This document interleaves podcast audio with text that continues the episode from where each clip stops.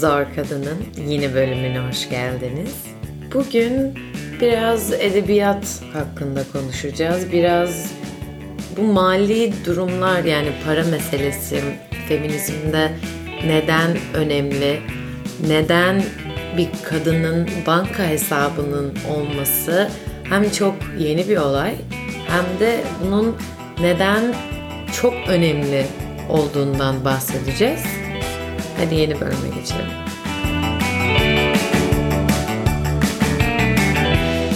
Son dönemde 2-3 haftada bir yeni bölüm yüklüyorum. Biraz yoğun yani şu anlamda yoğun benim için başka şeyler daha öncelikli para kazanmak gibi. O yüzden buraya çok vakit ayıramıyorum. Ama bir yandan da bu konu gittikçe yani hani derinleşiyoruz. E, özellikle yani daha spesifik okumaya çalışıyorum. O yüzden biraz zorlanıyorum. Zaten önceki bölümde bundan bahsetmiştim. Yani fikir olarak şeyde çok zorlandım. Ben bunları okursam kendimle de ilgili bir şeyleri zaten çözmüş olurum. Bu tabii ki bu fikir yani böyle söylediğimizde şey gibi düşünebiliriz. Hani başka bir yerden örnek verelim mesela. Ben mühendislik okuluna gidersem bir mühendis olurum. Değil mi? Yani amacı o çünkü okulun. Şimdi benim anlattığım şeyde niye bir farklılık var onu açıklayayım. Yani bu insanları okursam bu özellikle spesifik olarak hayatını toplumsal cinsiyete vermiş. Hani bunun birazcık da kadın ayağı. Çünkü ben de o kimliği arıyorum ya. Ya da keşfediyorum. Onları okursam çözebilirim. Şimdi problem okuyup çözememekte değil Problem daha çok bunu yazan kadınların bile bunu çözememesiyle alakalı. Bendeki hayal kırıklığı ve bunun aslında ne kadar zor çözmesi zor bir konu oldu. Tabii dönem farkı da var. Önceki bölümde bahsettiğimiz yazarlar 1980'e kadardı ve en başında da 1920'lerden bahsediyorduk. Çok aslında haklar olarak yani günümüzdeki karşılaştırmaya göre çok farklı bir dönem. Bugün kesinlikle değil. Bugünün de başka şeyleri var tabii ki. Daha aslında var gibi gözüken ama aslında zor olan yani örneklendirme diyoruz ya mesela yani ben bunu birçok kez söyledim. Daha gençken hani ben nasıl biri olmak istiyorum birine bakıp bunu söyleyemiyormuştum mesela. Bu, bu eksikti hayatımda. Ha şöyle bir şey de var. Şu an onu parmakla gösterebilir miyim? Yani hani belki böyle bir şey olmamalı zaten yani hani biri için ya ben bu olmak ya bilmiyorum yani şu an öyle bir şeyin yokluğunu çektiğim için zaten de bazı şeyleri anlatma ihtiyacı doğdu bende. Hani belki konuşarak böyle bir şeyi çözebilirim birine bakarak değil de böyle bir fikir.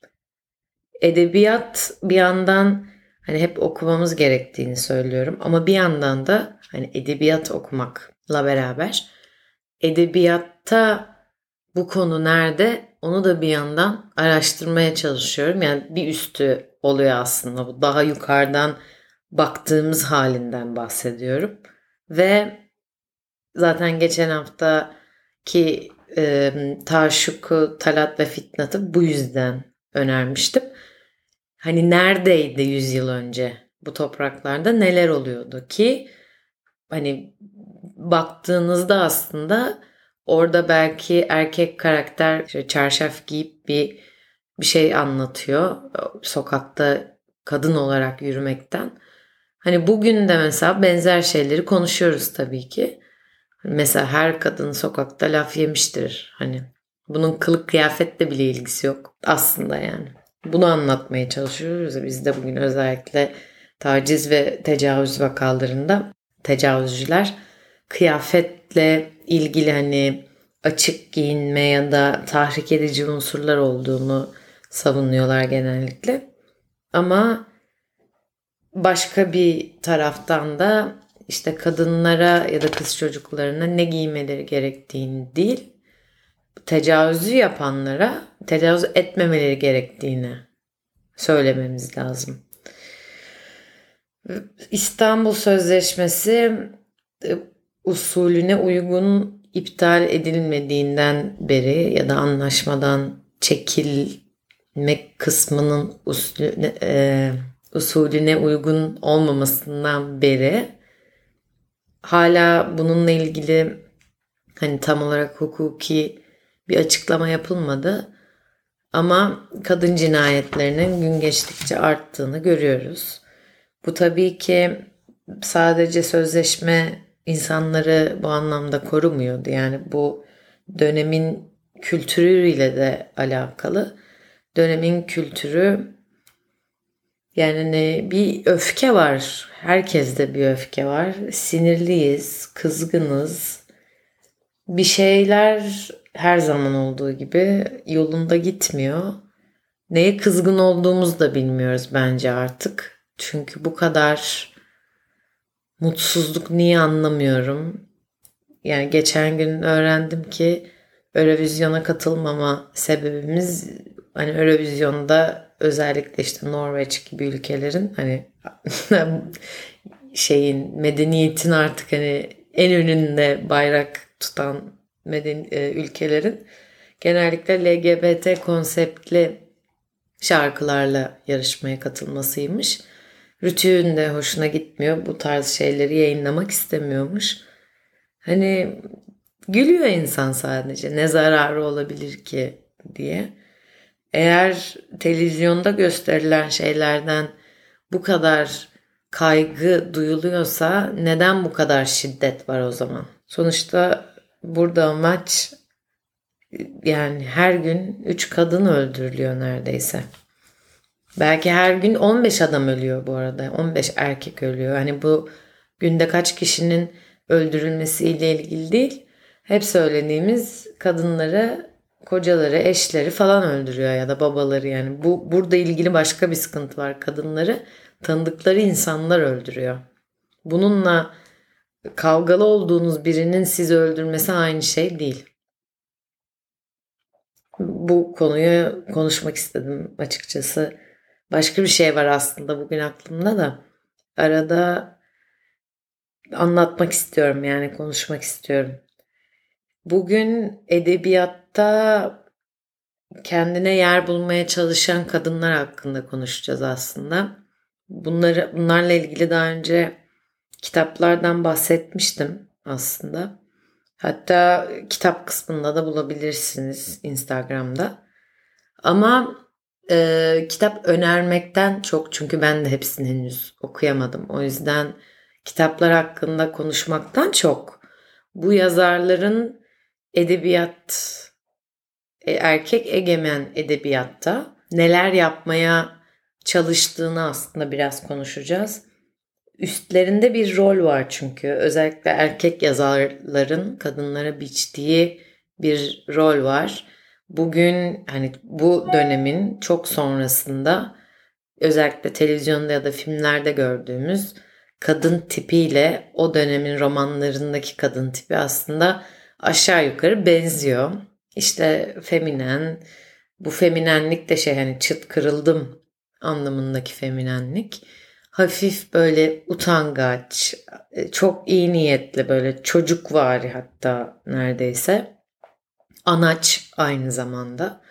Bu anaçlık bakım anlamında yani işte karşı tarafı doyurmak istemek, ona kıyafetler dikmek istemek anlamında bir anaçlıktan bahsediyorum. Ya da bunun karşısında bir kötü kadın figürü. O da genellikle daha böyle femme fatale dedikleri hani daha bir e, kadın ama seksi bir kadın ve özellikle sekse düşkün bir kadın ya da parayla bir o şekilde ilişkisi var. Hani böyle iki uçta sanki hani anaç kadın seks yapamaz ya da seks yapmayı seven kadın iyi bir kadın olamazmış gibi bir fikir ayrılığı görüyoruz. Ve her ne kadar mesela olsa ki bu iki karakter herhangi karakterlerden biri o da saçma çünkü hani kimse o kadar uç olamaz değil mi? Hani kendi kendimizi tanırken de ya da başkalarını gerçek hayatta gözlemlerken de bunu fark etmişsinizdir. Kimse iyi ya da kimse kötü değildir aslında. İnsan komplike, insan psikolojisi komplike, duygu ve düşüncelerimiz değişebiliyor. İnsan değişir mi? Bu ayrı bir konu. Bugünün konusu değil. Sadece söylemek istediğim tüm özellikleriyle ve niyetiyle birinin iyi olması ve kötü olması anlamındaki zıtlık kadınları özellikle edebiyatta şimdi şöyle de düşünün. Edebiyat tarihi insanlara böyle hani dünya tarihi gibi çoğu zaman okutulan bir şey. Yani başlıyorsunuz Platon'dan ve Aristo'dan yazılı tarih olarak ki o da yani Yunan felsefesi günümüz modern felsefesinin başladığı yerde çok tek cinsiyetli bir yerden geliyor aslında. Yani bir grup erkeğin oturup sohbet edip e, dünyayı ya da dünyayı anlamlandırma biçimleri tek taraflı. Bu şey gibi düşünebiliriz yani. Bunu ne niyetle yaptılar falan diye tartışmıyorum tabii ki şu anda. Biz okuduğumuz şeylerin kimler tarafından yazıldığını bilelim diye bu konuyu konuşmak istiyorum. Hani tek bir grubun belli yasaları yazdığını ve o toplumdaki öbür kimliklerin yok sayıldığını düşünelim. Öyle bir örnekle sanırım anlatabilirim ne demek istediğimi. Tabii bu kitaptaki kadınlar genellikle kamusal alanda bir kimlikleri yok. Yani tek kimlikleri belki evde kapılar arkasında birinin karısı, birinin annesi ya da hasta bakıcı, yemek yapan, temizlik yapan ve bunlar da bir bölümde konuşmuştuk yaşasın çamaşır makinelerinde. Hani bulaşık bile elde yıkanır da çamaşırın elle yıkanması şakayla karışık anlatmıştım hatta. Hani kadın kadın o çamaşır makinesi eve geldik, geldikten sonra öyle bir boş vakti kalmış ki kadınların. Hani bir şey yapabilme vakitleri olmuş belki de ilk defa. O yüzden evin dönebilmesi için yani ailenin düzenli yaşamaya, karnını doyurmaya, işte temiz kıyafet ya da kıyafet giymeyi falan bunlara vakti olması için birilerinin o işleri yapması gerekiyor. Kız çocukları da küçüklükten itibaren hani başka bir seçenek olmadığı için. Bunlardan güzel bir örnek şu. Neden mesela iyi edebiyatçılar yok? Neden iyi edebiyatçıların çoğu erkek? E çünkü bunun için zaman gerekiyor, emek gerekiyor ve tecrübe gere- gerekiyor. Bu anlamda Virginia Woolf'un babası mesela yani bu anlamda kütüphanesi var ve Virginia'nın bu kütüphaneyi kullanmasına izin veriyor. Onunla beraber Virginia'nın da e, yazdıklarında şunu okuyabilirsiniz. Shakespeare küçüklükten beri hani bu işin içine kitaplara bu kadar kitaba şimdi günümüz gibi düşünmek doğru olmaz. Çünkü internete birçok yerden erişim var. Kitaplar benzer şekilde. Hani çok pahalısı da var tabii ki ama yani bir şekilde bulunabilir artık bilgi, ulaşılabilir vaziyette ve ona rağmen ulaşmıyoruz bir de böyle bir konu var.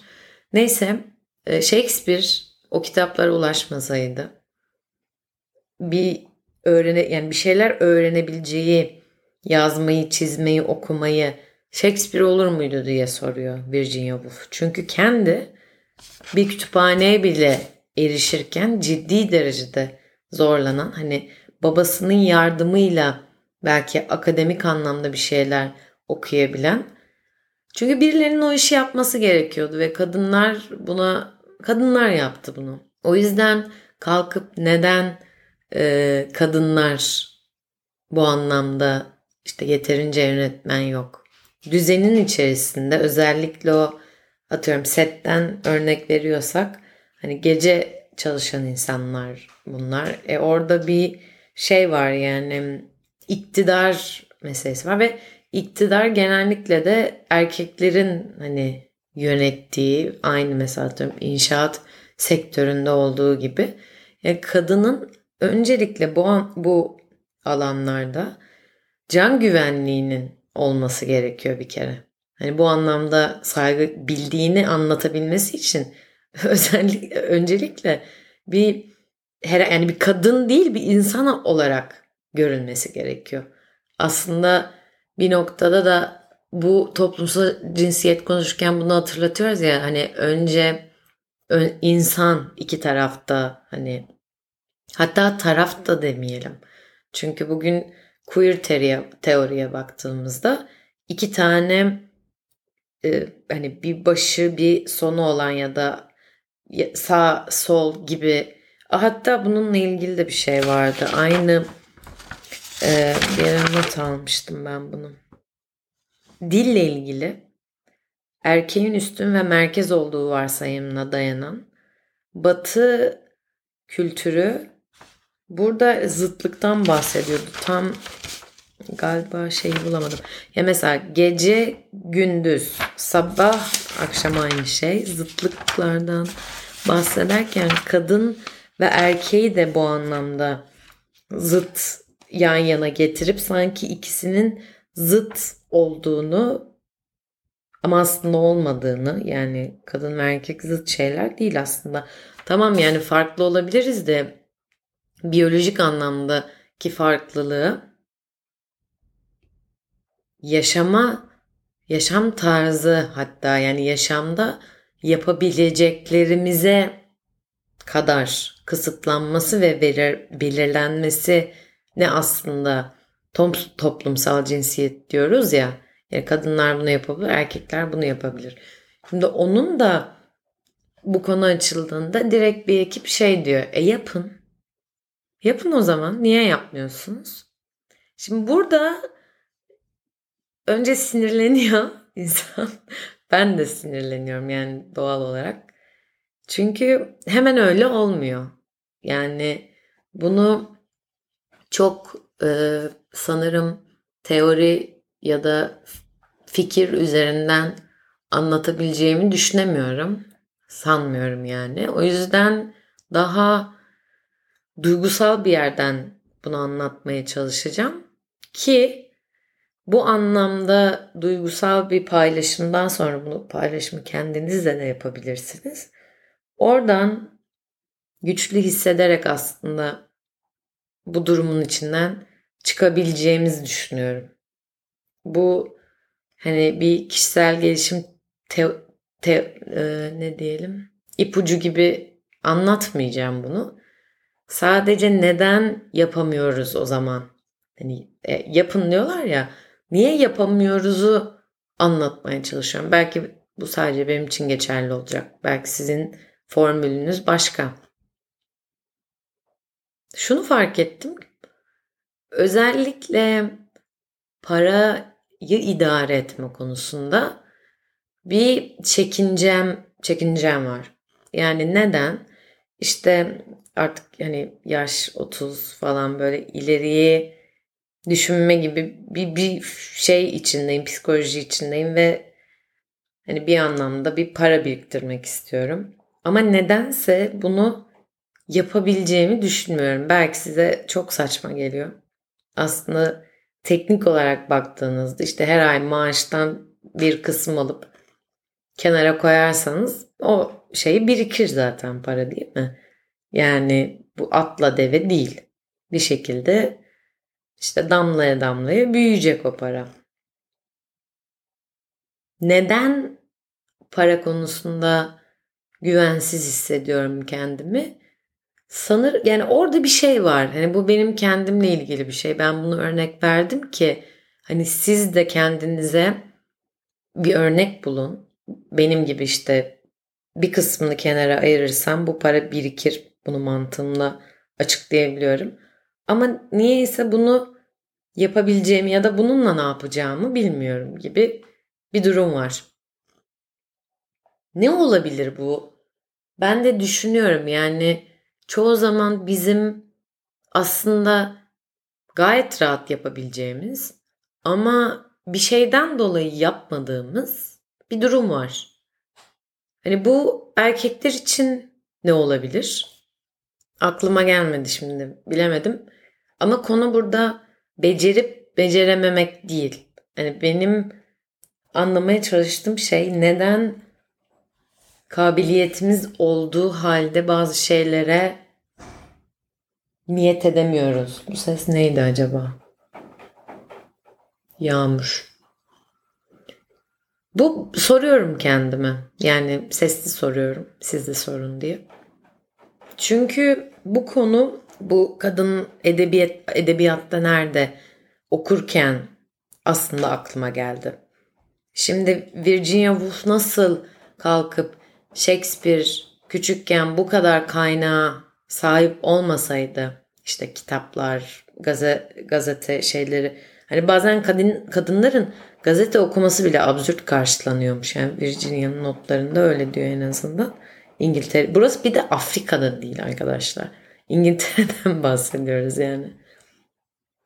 O yüzden ben de kendime sordum. Acaba yapabileceğim, kabiliyetim olan bu çok üstün şeylerden bahsetmiyorum bu arada. Yani rahatlıkla yapabileceğim diyelim en azından. Ama genellikle kadınlar yapmadığı için bir anlamda bir güven olmadığından dolayı ya da bir örneğini görmediğim için yapmadığım neler var diye soruyorum aslında kendime. Bu da işte Virginia'nın notlarına dönüyor.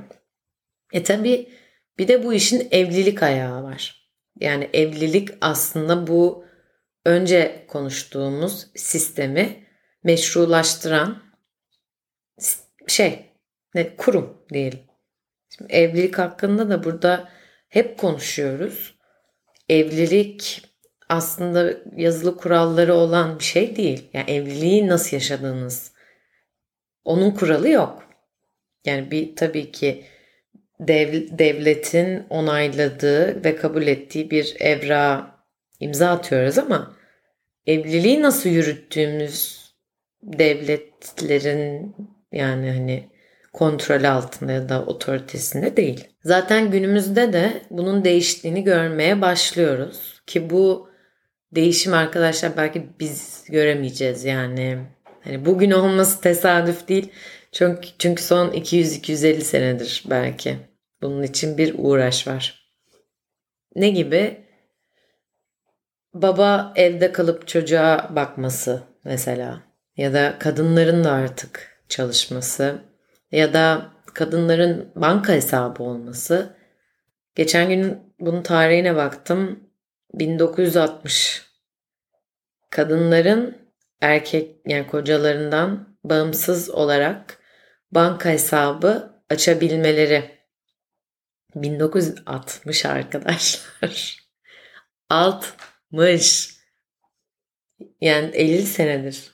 Düşünebiliyor musunuz? Ve şeyi düşünün o aristokrat ailelerde babadan oğula geçen hani bilmiyorum mesela ben şeyde izlemiştim. Şarapla ilgili bir belgeselde Avrupa'da bazı şarapçılar 14. 15. jenerasyondaymış. Yani adam oğluna şey bırakıyor yani hem o yetiştirdikleri şeyi bırakıyor belki fabrikasını bırakıyor. Hani onun içinde marka ve tabii bununla beraber gelen para. Şimdi neden kız çocuğuna bırakılmıyor? Banka hesabı yok ki. ya bugün bugünkü şartlar gerçekten akıl almaz. Bir kadın için akıl almaz derecede. Bu yüzden zaten bu konuyla ilgili boş veremeyiz. Yani bugün ben rahatça bu programı yapabiliyorsam kendi fikirlerimi, düşüncelerimi hatta kadınların tarihini size anlatabiliyorsam siz babanızın izni olmadan bunu internette hani diyelim ki öyle bir şey. Bu programı rahatça dinliyorsanız ya da kendinize bir iş kurduysanız ya da üniversiteye gittiyseniz ya da atıyorum nişan attıysanız, boşandıysanız yani ya da istediğiniz kişiyle evlendiyseniz hani ne bileyim beşik kertmesi ya da ailenin zorla evlendirdiği biri değil de yani hani bunların hepsi son 100-150 yılda bir şeyler için uğraşmış, savaşmış kadınların sayesinde. Bu hiç azımsanacak bir şey değil. Hiç. Ama tabii daha kısa ve e, çabuk halde olmadığı için ki aslında bu bir avantaj.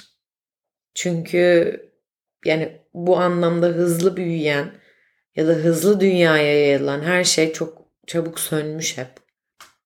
O yüzden bu yavaş yayılma ve değişimin yavaş görülmesi aslında daha e, farkındalığı yüksek ve ne yaptığını bilen insanlar tarafından bu olayın devam ettirildiğinin göstergesi. O yüzden banka hesabınız yoksa hemen gidip galiba 18 yaşında olmak gerekiyor. 18 yaşından küçükseniz o zaman aile yani anne babadan birinin imzası lazım. Ama para bu yüzden önemli. Yani şöyle ee, evet para her şey değil tabii ki yani hani bunu konuşmuyoruz burada ama yine Virginia'ya döneceğim. Çünkü bu anlamda bunları konuşan ilk kadın odanız olsun hani bir, ve bir yerde biraz paranız olsun diye öğüt veriyor mesela yazı yazmak isteyen kadınlara. Çünkü yani tabii ki fiziksel bir dünyada yaşıyoruz ve hani para diye bir şey var hala. Bir yerden başlamak gerekiyor. Bu anlamda çok önemli bence Virgin, Virginia'nın fark ettikleri. Özellikle Shakespeare konusunda. Hani bir yandan da diyorum ki yine böyle uzaktan bakılınca kadınları kocalarına emanet etmişler. Yani bu şey bir emanet değil bu arada. Hani lafın gelişi iki eş birbirine baksın hani iyi günde kötü günde olan romantik bir emanetten bahsetmiyorum. Yani sanki kadınların bilinci farkındalığı ve zekaları yokmuşçasına bir emanet edilmekten bahsediyorum. Daha önce BBC örneğini de vermiştim. Evlenen kadınlar e, yine 60'lı yıllarda BBC'de diyelim iş yine İngiltere sekretersiniz ya da bir şey evleniyorsanız eve dönüyorsunuz yani çünkü sizin o noktada başka bir göreviniz var. Tabii burada hep e, ailenin kutsal olduğu, çocuk büyütmenin kutsal olduğunu söyleyen, düşünen kişilerle çatışmaya giriliyor. Zaten son günlerde de özellikle İstanbul Sözleşmesi ile ilgili ekranda gördüğümüz çoğu çatışma bunun üzerine. Birkaç gün önce e, bir şey paylaştım. Daha doğrusu hani ben repost ettim diyelim. Şey programlarında bu fikir tartışma programları oluyor ya hani akşam geç vakitlerde. Orada kaç kadın tartışmacı, kaç adın e, erkek tartışmacı olduğu ile ilgili bir veri var. Ve bulamadım o veriyi şu an. Yaklaşık çok düşüktü. şu aklımda kalmadı ya. Ya neyse eğer baktıysanız ona zaten bir sonraki bölümde tam olarak veririm size o rakamı. Hatta şey diye paylaştım. Bıyıklıları artık duymak istemiyoruz falan gibi bir şey diye paylaştım. Çünkü çeşitlilik yok. Çeşitlilik olması lazım. Yani erkeklerin çıkıp kadınların haklarıyla ilgili tabii ki konuşabilir, konuşamaz demiyoruz. Ama onda biri gibi bir orandan bahsediyoruz. Bu da saçma yani kim ne derse desin. Sanki okudukça şey gibi geliyor. Böyle ortada erkeklik diye bir şey var. Ve bütün dünya onun etrafına göre şekillenmiş. Ve önemli bir zamandayız çünkü değişmeye başladığını düşünüyorum bunu. Ve onun sancılarını da çekiyoruz. Bu her değişimli olması gereken bir şey. Tarih hep öyle anlatmış. O yüzden ben bugünü umutlu bitiyorum. Kendinize iyi bakın. Başka bir bölümde haftaya tekrar görüşeceğiz. Hoşçakalın.